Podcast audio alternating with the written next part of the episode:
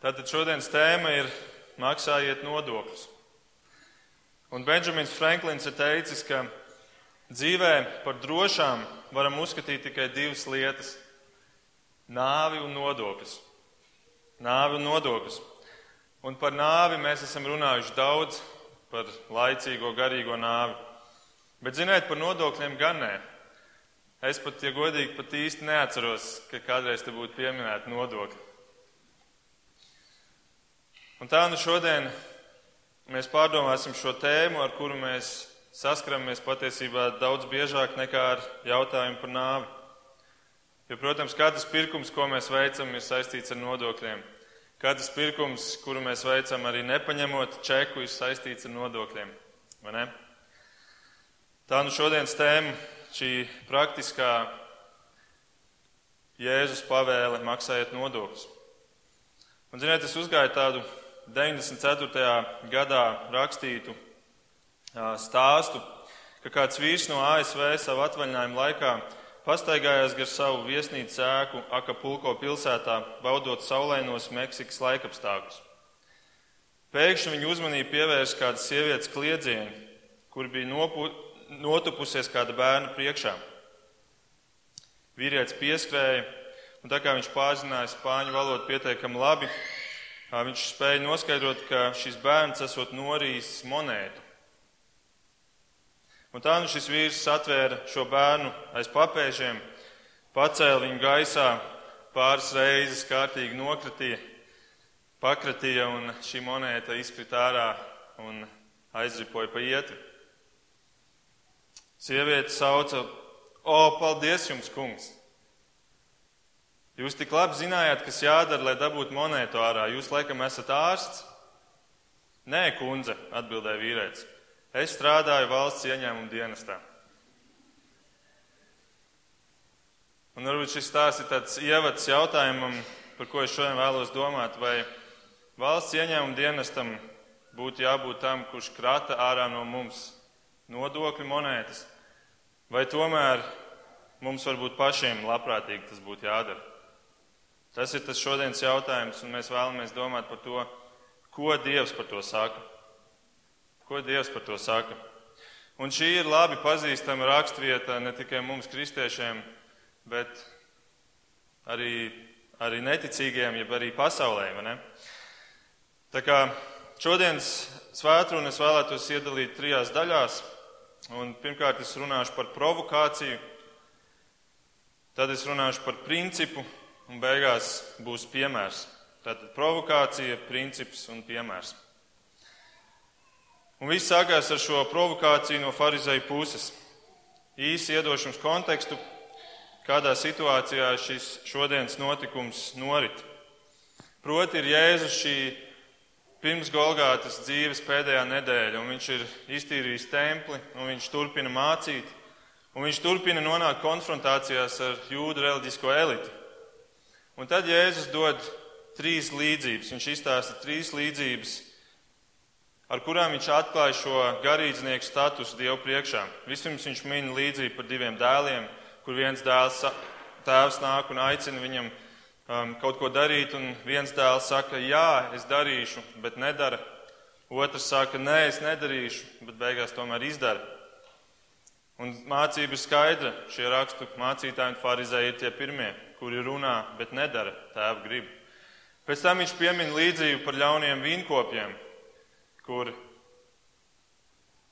kur ir saimnieks nodevis vīnkopiem šo vīna dārzu, un viņš sūta savus sūtņus, lai saņemtu augļus no šiem vīnkopiem, un viņi viens pēc otra šo, šo sūtņus noslepkavo, un beigās šis saimnieks sūta savu dēlu, un arī to šie vīnkopi nogalina. Un te arī ir doma skaidra, šie rakstu mācītāji un farizēji ir šie ļaunie vīnkopi. Un tad trešā līdzība ir par to, ka ķēniņš rīko savam dēlam kāzas un viņš aicina aicināt visus viesus un viesi atsakās nākt, katram ir dažādi attaisnojumi. Un tad viņš aicina pārējos. Un sanāk kādi cilvēki un viens ienāk bez svētku drēbēm. Un te atkal doma ir skaidra, ka Te ir runa atkal par šiem rakstu mācītājiem un farizējiem. Un visu šo trīs līdzību beigās atskan nosodījums. Dieva tiesa nāks pār šiem, šiem liekuļiem. Un tā nu šie rakstmācītāji un farizēji ir sapratuši, ka šis viss ir tēmēts uz viņiem. Un tad mēs nonākam mūsdienas rakstvietā, kas sākās ar vārdu tad farizēji devās apspriesties. Pēc visa šī, kas te notiek, viņi saprot, nē, ir kaut kas jādara. Ir jāiet un jāmēģina ieriept šim jēzum, ir jāmēģina apklusināt viņu. Un tāpēc viņi nāk klajā ar provokāciju. Viņi izdomā, iesim un provocēsim Jēzu. Un viņi izdomā diezgan gudru veidu, kā to darīt. Un tomēr viņi nevis nāk paši, jo viņi ir pietiekami daudz jau cietuši no šī Jēzus, un ne, Jēzus viņus savā ziņā visu laiku nosoda, un, un tauta to redz. Un, un varbūt viņi vairs neuzdrīkstās nākt paši, tāpēc viņi dara kaut ko citu. Viņi sūta savus mācekļus. Un viņi ne tikai sūta savus mācekļus, bet viņi sūta viņiem līdzi vēl Heroda piekritējus, kā mēs šeit lasām. Un, ziniet, tas patiesībā ir pārsteidzoši, ka nāk šeit farizēju mācekļi kopā ar šiem Heroda piekritējiem. Kādēļ pārsteidzoši? Tādēļ, ka Herods bija draudzīgi noskaņots pret Romu. Viņš bija saņēmis varu no Romas valdīt pār Galileju. Viņš bija Romas draugs. Viņam varbūt nebija labākās attiecības ar Ponciju Pilātu, kā mēs lasām Bībelē, un tikai pēc tam, kad viņi nonāk šajā kopdarbā Jēzus nodošanā, tad viņi, kā mēs lasām um, jaunajā derībā, viņi no šī, pēc šī notikuma kļūst arī par draugiem. Bet vispārīgi runājot, Herods bija Romas piekritējs, jo Roma bija devusi viņam varu. Savukārt farizēji bija, protams, ļoti izteikti pretinieki Romas okupācijai. Viņi bija tie, kuri domāja par veidiem, kā, kā tikt vaļā no šī jūga, un viņi pat bija tie, kuri negribēja atzīt, ka viņi ir zem šī jūga. Viņi jēzum kādā notikumā saka, ka mēs neesam nekad bijuši un neesam neviena vergi. Tā nu šie anti-Romas farizēju mācekļi kopā ar šiem pro-Romas Heroda piekritējiem nāk kopā un dodas konfrontēt Jēzu. Un uh, nāk, tad, tad šīs divas savstarpēji naidīgās grupas spēja vienoties šim vienam mērķim, kas ir apbrīnojami. Un Lūkas šajā šī paša notikuma aprakstā viņš nesaka, ka nāk farizēji mācekļi un Heroda piekritēji. Viņš vienkārši vienā vārdā pasaka, ka nāk izlūki, jeb spiegi. Un viņu mērķis bija provocēt Jēzu ar viltu. Matejs raksta, ka viņi nāca, lai pieķertu viņu kādā vārdā.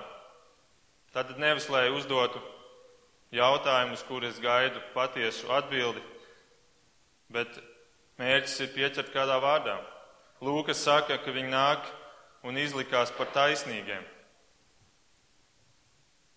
Un tātad viņi nāk un uzdod šo jautājumu, un šim jautājumam pa priekšu viņi sūta tādu apbrīnojams liekulības karavānu, mēs varētu teikt. Šo ievateikumu skolotāji, mēs zinām, ka tu esi patiesa, tu Dieva ceļus māci patiesībā un nelokies nevienu priekšā, jo tu neuzlūko cilvēku ārienu. Zinot visu šo notikumu, mēs varam teikt, tā ir visīstākā pielīšana, visīstākā liekulība. Un ziniet, kas ir paradoxāli, ka visas šīs lietas, ko viņi saka par Jēzu, ir tieši pretstats viņiem pašiem. Viņi saka, tu esi īstenais skolotājs, bet viņi paši ir viltus skolotāji. Viņi paši māca melus, nevis patiesību, un viņi lokās citu priekšā, un šajā notikumā mēs to tik skaidri redzam. Un tad viņi turpina šo jautājumu: Saki mums, Kā tu domā, vai ir atļauts dot Cēzaram nodevas vai nē? Un, ziniet, bez šī nodokļa jautājuma, par ko mēs šodien domājam, mēs varētu šo vienu teikumu izvērst tādā veselā svētdienas sērijā un ieraudzīt tik daudzas lietas, kuras arī mēs darām, kur mēs varam teikt, ka mēs esam liekuļi. Piemēram, par to, kā ir iespējams nelietīgi valkāt Dievu vārdu kā ir iespējams uzdot Dievam jautājumu ar nepareiziem motīviem, kur mēs nākam un Dievam uzdodam kādu jautājumu, bet mēs jau zinām, ka mēs zinām priekš sevis atbildi. Un mēs nemaz negaidām viņa atbildi. Mēs nemaz negribam saprast viņa gribu. Un tas ir labs jautājums arī turpinot šodienas svētrunu, padomāt par to, to, ko es šodien dzirdēju šeit, vai, vai es esmu vispār gatavs klausīties tajā, ko Jēzus šeit saka. Dažreiz mēs esam šādi viltīgi liekuļi, kā šie farizēji un hēroti piekritēji. Bet, lai kāda arī liekuļi viņi būtu bijuši, tomēr mēs vien varam gan teikt par viņiem, ka viss, ko viņi šajā vienā teikumā pateica, tas viss bija patiesība par Jēzu. Viņiem pašiem to neapzinoties, varbūt negribot, viņi pateica vistiešāko patiesību, jo Jēzus ir īstenais skolotājs. Jēzus ir patiesa un Jēzus māca Dieva patiesību. Un viņš neloks nevienu citu priekšā, un viņš neuzlūko cilvēku ārienu, bet viņš skatās cilvēku sirdī. Un, ziniet, šis apraksts par Jēzu ir paraugs mums, kuri esam Jēzus sekotāji.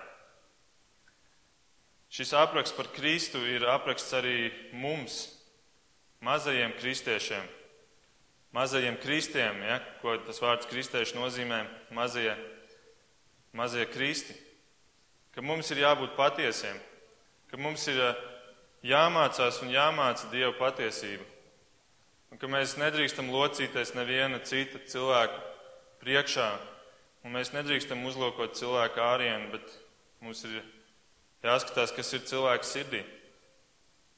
Paklausieties Pāvila vēstuli Tesaloniķiešiem 1. Tesaloniķiešiem 2.4. Mūsu mudinājums nenāk no maldināšanās, un tam nav negodīgu vai viltus nolūku. Bet kā Dievs mūs pārbaudīja, lai uzticētu mums evaņģēliju, tā arī mēs runājam, necensdamies izpatikt cilvēkiem, bet gan Dievam, kas ir mūsu siržu pārbaudītājs. Un arī šodien stāvot jūs priekšā, mans kritērijs ir tas, ko es šeit lasu par Jēzu. Man ir jāstāsta jums patiesība. Man varbūt nav izdevīgi, un es jums varbūt negribētu teikt to, kas man ir šodien jāsaka, bet es to daru tādēļ, ka Dievs to māca. Tātad šie viltus mācekļi pašiem negribot, viņi nodeva patiesu liecību par Kristu. Bet tad sekoja šis jautājums: Saki mums, kā tu domā, vai ir atļauts dot Cēzaram nodevas vai nē? Mēs jau runājam par to, ka šis jautājums nav aiz patiesas vēlmes saprast un dzirdēt jēzus atbildi, bet tā ir provokācija.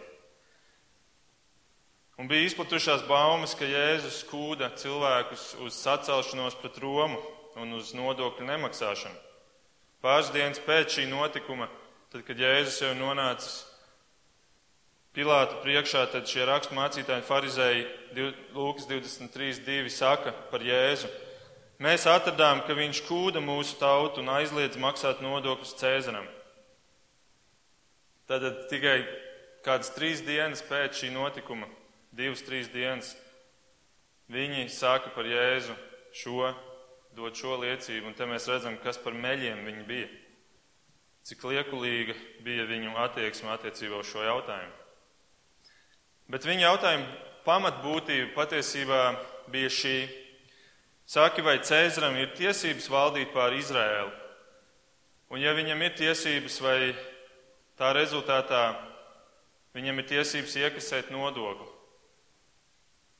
Jā, tā tad visa tā pamatbūtība šim jautājumam bija, vai Cēzaram vispār ir atļauts valdīt pār Izraēlu. Un tam nodoklim, par kuru viņi runā, tam bija īpaša nozīme. Protams, Izraels maksāja visādus nodokļus, un es jums neuzskaitīšu daudzos dažādos, bet šis nodoklis, ko viņi maksāja, bija īpaši sāpīgs. Tas bija nodoklis, kas bija jāmaksā reizi gadā. Tas bija viens denārijs, un tā summa nebija liela, tā bija vienas dienas alga. Un tomēr ar šo nodokli viņi savā ziņā pateica, ka mēs pakļaujamies Cēzaram. Mēs pakļaujam sevi Romas okupācijai un Romas valdīšanai. Un tāpēc jūdiem tas bija ļoti sāpīgs nodoklis, ļoti sāpīgs pārbaudījums. Mēs lasām apstuļu darbos pieci, kā farizējs Gamaliels Sinedrijā min kādu vīru vārdā Teudu, kurš bija norganizējis sacelšanos pret Romu. Un literatūra liecina, ka tieši šī nodokļa dēļ viņš to bija darījis, ka tas bija tas cēlonis, kādēļ, kas viņam deva to motivāciju um, sakūdīt 400 vīrus un uzsākt revolūciju. Tātad šī bija ļoti sāpīga tēma, un, un um, es lasīju, ka šis nodoklis bija iesaukts par Romas okupantu nodokli. Un tā nu šo farizēju māci, mācekļu un Herodu piekritēju cerība bija, ka uzdodam Jēzum šo jautājumu. Un ja viņš teiks, jā, ir, ir atļauts maksāt Cēzaram, tad tauta viņu saplosīs. Bet ja viņš teiks, nē, nav atļauts maksāt Cēzaram, tad Roma viņu saplosīs. Jebkurā gadījumā mēs būsim panākuši savu mērķi. Jēzus tiks apturēts. Un tad mēs nonākam pie Jēzus atbildes, kurā viņš dod un māca mums kādu principu. Tad pirmais bija provokācija, otrais ir Jēzus dotais princips. Un Kristus, protams, redz cauri maskām. Mēs lasām, ka Jēzus noprastams viņu ļaunprātību sacīja, ko jūs mani izaicināt, jūs liekuļi. Jēzus ļoti skaidri saprot, ka nav, tas nav jautājums, uz kuru viņi gaida atbildi, bet tas ir izaicinājums, tā ir liekulība, un viņš pat saka, tā ir ļaunprātība.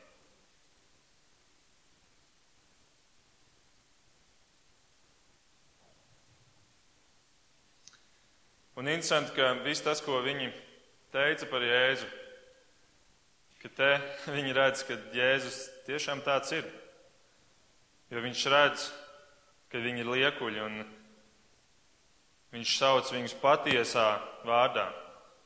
Un viņš ir tāds, kurš neklanās cilvēku priekšā, un viņš saka, ko viņš domā, jo viņš saka patiesību.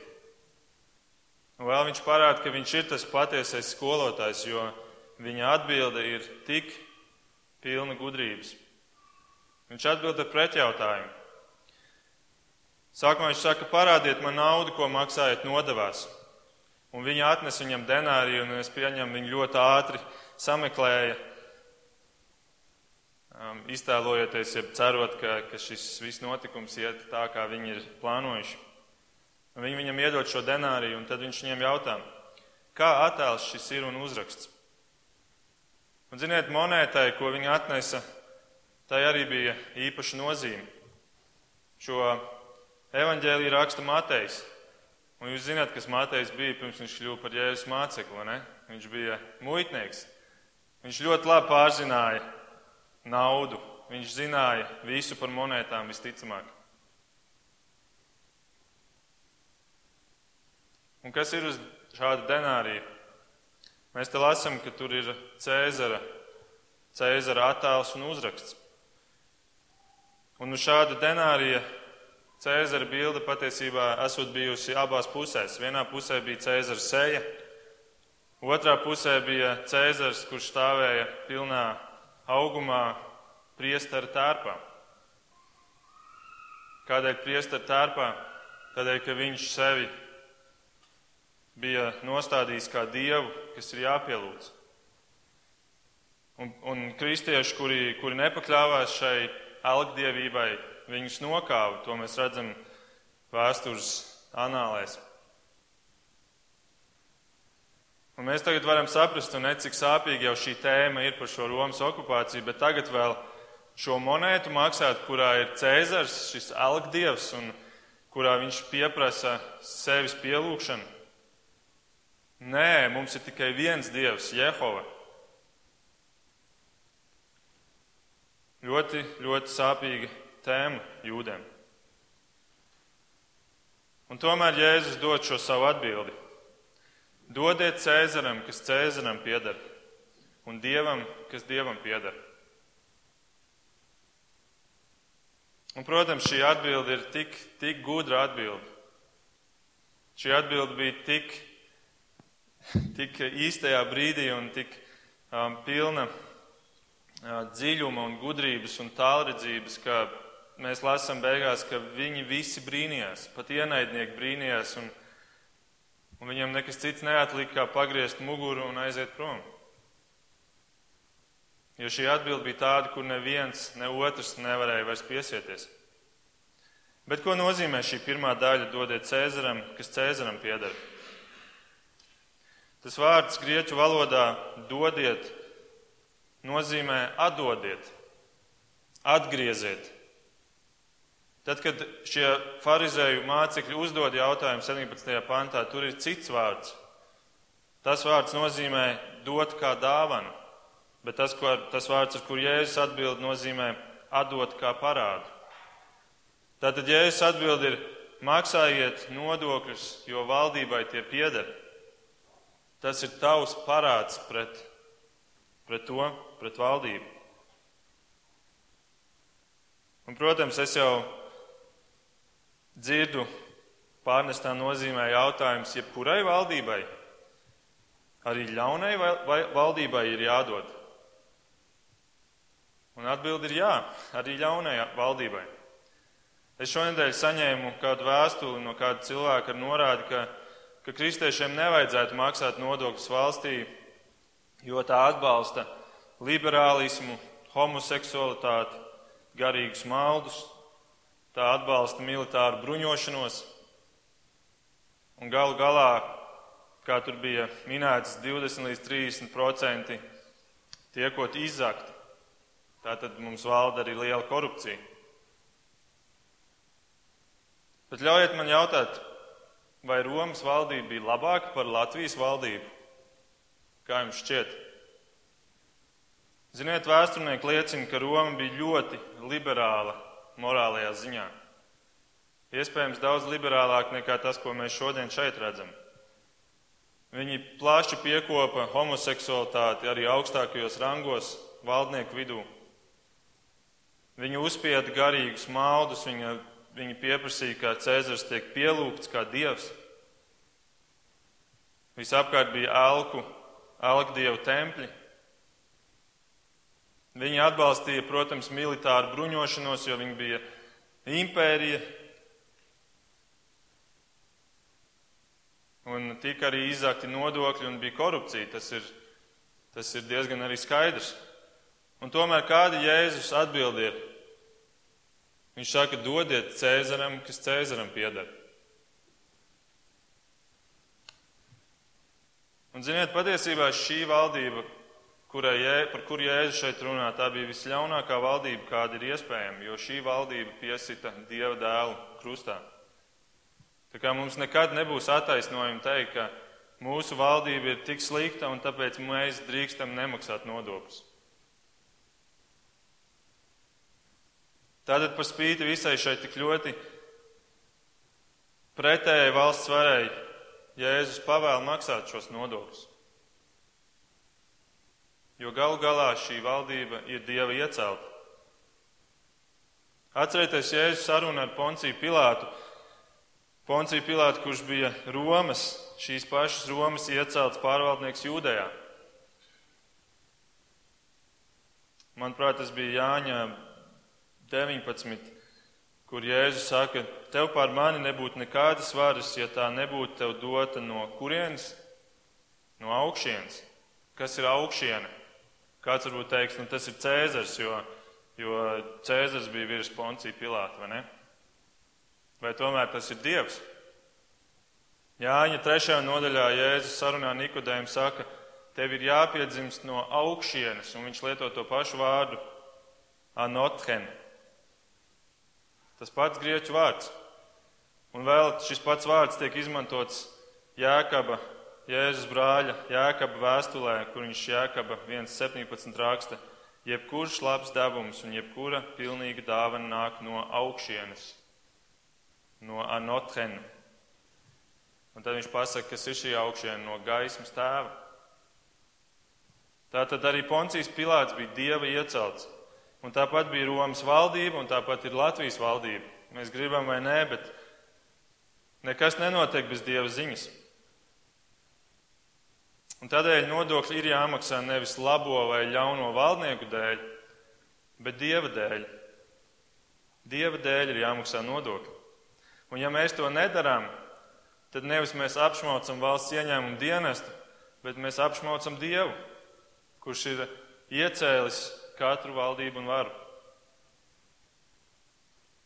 Pirms kāda laika, jau senāk laika, man bija saruna ar manu kolēģi darbā, kurš bija iepriekšējā vakarā noskatījies kādu dokumentālu filmu par to, kurā, kurā Jēzus tika pasniegts kā tīri politisks līderis, ka vis, visa viņa vēlme un visa viņa misija bija politiska misija, kura beigās vienkārši izgāzās. Un atbildi nē, šodienas teksts to tik labi parāda. Šī bija vislabākā iespēja Jēzum apliecināt savus politiskos nodomus cīņai pret šo Romas okupāciju. Viņš varēja pateikt, Romai nebūs nekādu nodokļu. Nē, Cēzaram nav jāmaksā nodokļi. Un tauta gavilētu. Gavilētu vēl vairāk nekā pāris dienas atpakaļ, kad viņš iejāja uz ēzeļu Jeruzalemē.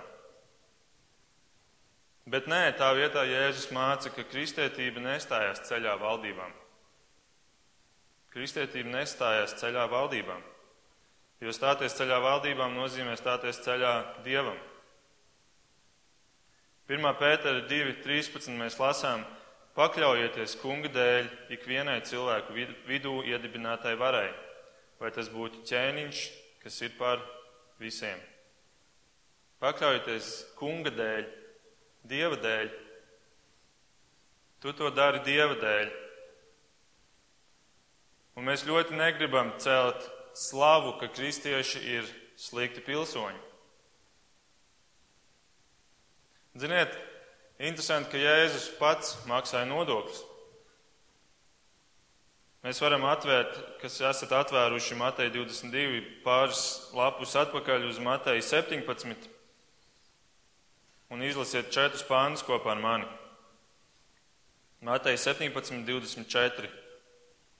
Kad viņi iegāja Kapernaumā, pie Pētera pienāca nodokļu ievācēji un jautāja, vai jūsu skolotājs nodokli nemaksā?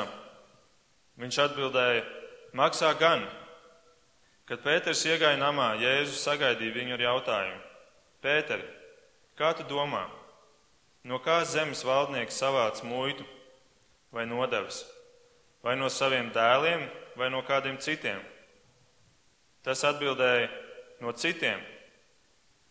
Jēzus viņam sacīja: Tad jau dēli ir brīvi, bet lai mēs viņus neapgreicinātu, aizej uz jūru un izmet makšķeri un ņem pirmo zivi, kas pieķersies, un tās mūte atvērš, to atradīs stāt, statēru. Ņem to un dod viņiem par mani un sevi. Šis ir cits nodoklis, šeit ir runa par templi. Bet Jēzus, kaut arī viņam nebija jāmaksā nodokļi, un tā ir tā visa doma šajā rakstvietā, jo templis piederēja viņam. Viņš ir tas bērns dievam, un bērnam nebūtu jāmaksā nodoklis. Bet kaut arī viņam tas nebija jādara. Lai viņš nebūtu par piedauzību citiem, viņš tomēr maksāja šo nodokli. Un, ziniet, ja kristietis māca uzticēties Dievam, bet vienlaikus viņš izvairās no nodokļu maksāšanas, tad ļaujiet man jautāt, vai šāds cilvēks nekļūst par piedauzību citiem? Vai nenotiek tieši tas, no kā Jēzus šeit pats izvairījās? Viņam nebija jāmaksā, un viņš tomēr to darīja. Mums ir jāmaksā. Un uh, jautājums ir, vai mēs nekļūstam par, par piedauzību un par apgrēcību. Kaut arī mums tas būtu jādara. Kaut arī mums būtu jāmaksā nodokļi, un mēs to nedaram. Un vai mēs ar to nemācam tieši pretējo, ka, ka Dievs nav uzticams, jo es viņam īstenībā nevaru uzticēties, jo man pašam ir jārūpējas, kā es tikšu galā ar savām finansēm, apšmaucot un un maksājot mazāk nekā man pēc likuma tas būtu jādara. 2. korintiešiem 8.21 ir teikts, ka mums rūp labs iznākums ne tikai kunga priekšā, bet arī cilvēku priekšā. Svarīga ir arī mūsu liecība. Vai mēs esam par apgrēcību citiem, vai mēs tomēr rādam to priekšzīmi, kuru mēs patiesībā ar saviem vārdiem mācam. Mēs jau lasījām Romiešiem 13. Tur bija teikts, dodiet ik vienam, kas tam, kas tam pienāks, kam pienāks nodokļi, nodokļus. Dodiet. Un ja nu kāds no valsts ieņēmuma dienesta šo svētrunu klausās, varbūt ir šodien atnācis, nezinu, es nevienu tādu svešu seju neredzu, bet vai arī kaut kad vēlāk klausīsies, tad, protams, es arī pieminēju šo raksturvietu, Lūkas 3, 12 līdz 14. Arī muitnieki nāca, lai tiktu kristīti, un tie viņam jautāja, skolotāji, ko lai mēs darām? Tiem viņš sacīja, neņemiet vairāk, kā jums noteikts. Neņemiet vairāk, kā jums noteikts. Arī karēji viņu izjautāja, un mēs, ko lai mēs darām? Un viņš sacīja tiem, neizspiediet naudu un neapsūdziet nepatiesi, bet esiet mierā ar savu algu. Tātad arī otrai pusē ir jābūt godīgiem, bet pat ja viņi nav godīgi, pat ja viņi nav godīgi, un mēs zinām, ka šobrīd pēdējo nedēļu notikumi parāda, ka arī mūsu valsts ieņēmuma dienestam ir savas problēmas. Bet pat ja viņi nav godīgi, mums ir jāpild savus pienākums, un lai katrs tiek sodīts, un uh, saņem taisnīgu sodu par visiem tiem pārkāpumiem, ko viņš dara. Lai Dievs svētī, ka tas arī notiek. Tātad Jēzus saka, dodiet Cēzaram, kas Cēzaram piedara. Un tomēr galvenais knifs visā šajā Jēzus atbildē ir šī otrā daļa. Dodiet Dievam, kas Dievam piedara. Kas bija tas, ko Cēzars pieprasīja sev, bet kas pienācās Dievam? Pielūgšana, pielūgsme. Tātad dot Cēzaram nodokļus, bet die, dot Dievam pielūgsmi. Ko nozīmē dot Dievam pielūgsmi? Protams, pirmā, pirmajā, um, pirmā, pir, pirmkārt, tas nozīmē dot savu dzīvi, dot visu sevi, atzīst savu grēku pilno statusu Dievu priekšā atzīsti Dieva statusu tavā priekšā, atzīsti Kristu kā savu Dieva, kā Dieva dēlu un, un atzīsti, ka Viņš ir vienīgais ceļš, kas tevi, kas tev var dot mūžīgo dzīvību. Un tad atgriezies no saviem grēkiem un seko viņam. Tā ir pielūgšana.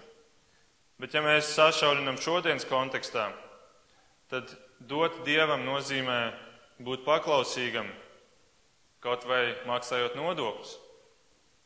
Būt paklausīgam. Mēs jau mācījāmies Dieva dēļ to darīt. Kā vēl mēs varam pielūgt Dievu? Dodot desmito tiesu, atbalstot draugu, ko arī, ko arī Dievs prasa savā ziņā. Vecajā derībā tas tika iestādīts, jaunajā derībā tas netika atcelts. Bet Dievs saka, ka Jēzus saka, ka Priecīgu devēju Dievs mīl. 2. korintiešam 9.5 ir teikts, tad nu redzi, kas skopi sēja, skopi arī pļaus, un kas bagātīgi sēja, bagātīgi arī pļaus. Katrs lai dod tā, kā iesaka sirds, nevis ar sarūktinājumu vai piespiedu kārtā. Priecīgu devēju Dievs mīl. Jautājums ir, kā mums iet ar šo jautājumu. Un te mēs nevaram teikt, ka tas ir pienākums konkrēta summa, bet ko tavs sirds labprātīgi dod. Vēl kā mēs varam pielūgt Dievu un dot Dievam to, kas Dievam pieder. Nezogot. Nezogot. Tītām 2, 9 un 10 ir rakstīts, lai kalpi visās lietās ir pakļāvīgi saviem kungiem, tiem iztop un nerunā pretī, un lai viņi nezog, bet visur parāda krietnu uzticamību, lai būtu par rotu mūsu glābēji Dievu mācībai. Un tagad es pieminu nezog, nu tad varbūt lielākā daļa domā, nu jā, tas nav, šito punktu es varu izlaist un pieslēgšos pie nākamā punkta atkal, jo nu, es jau neesmu zaglis. Bet ļaujiet man pajautāt, kā mums ir ar tādām lietām kā datorprogrammām, pirātiskām. Kā mums ir ar filmām, kuras mēs skatāmies nelicencētas? Kā ir ar mūziku, ko mēs klausāmies?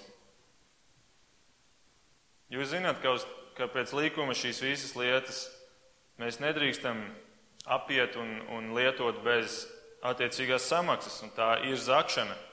Un mēs varam grozīties, cik mēs gribam, un teikt, ka nē, nē, nu, ko tad viņi zaudēja, ja es nokačāju, uh, leju pielādēju vēl vienu programmu. Viņi jau no tā neko nezaudē. Bet ir rakstīts, ka tev to nebūs darīt. Tas ir rakstīts uz iepakojuma, tas ir rakstīts noteikumos, un ja es to neievēroju, tad es zogu. Un uh, vēl jau vairāk, ja es šīs lietas lietoju, lai ar to pelnītu naudu, lai ar to pelnītu iztiku. Nu, lūk, un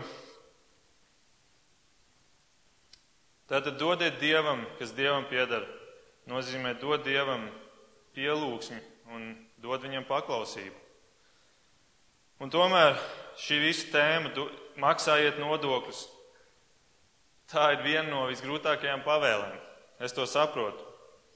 Un es to arī negribu atstāt kā tādu teoriju, par kuru varbūt lielākoties katrs domā, nu jā, nu tas jau tāpat nav īsti iespējams. Tas ir pārāk riskants un tāls ceļš. Lai tā nebūtu, tāpēc es noslēgšu ar trešo daļu, kas ir piemērs. Un es parasti citēju kādus lielus vīrus no senās vēstures un, un uh, no tālajām valstīm, bet šodien es vēlos pieminēt kādu vietējo uzņēmēju, kurš dzīvo šodienā.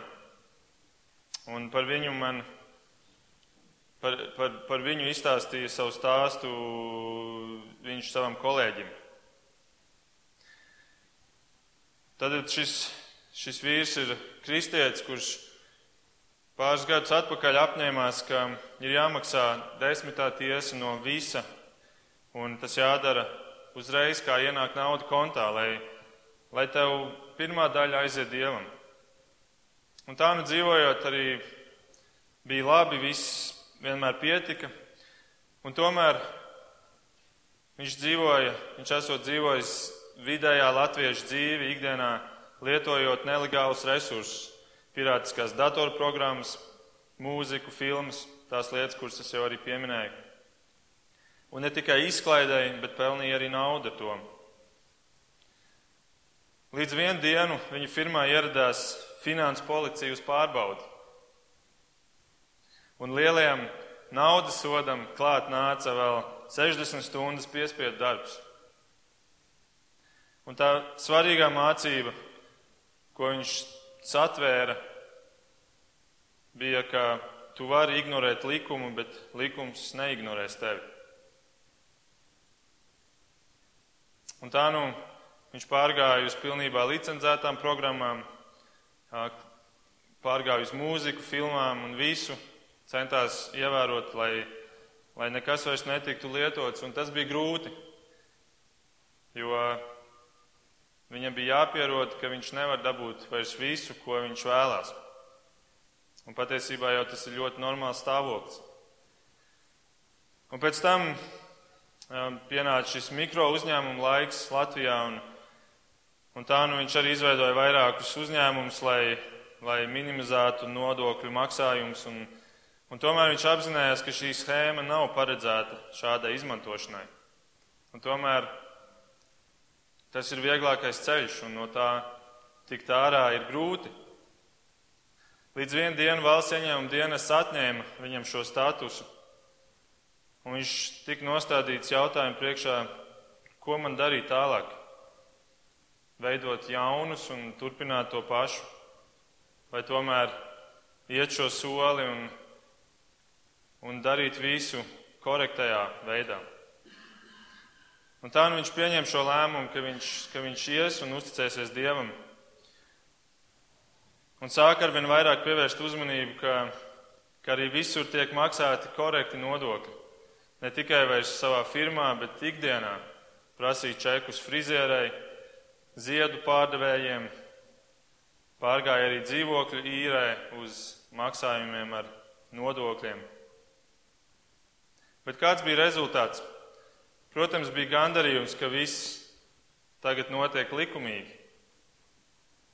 Un tomēr, laikam ejot, arvien vairāk viņi pārņēma šis secinājums, ka, ka ir grūti.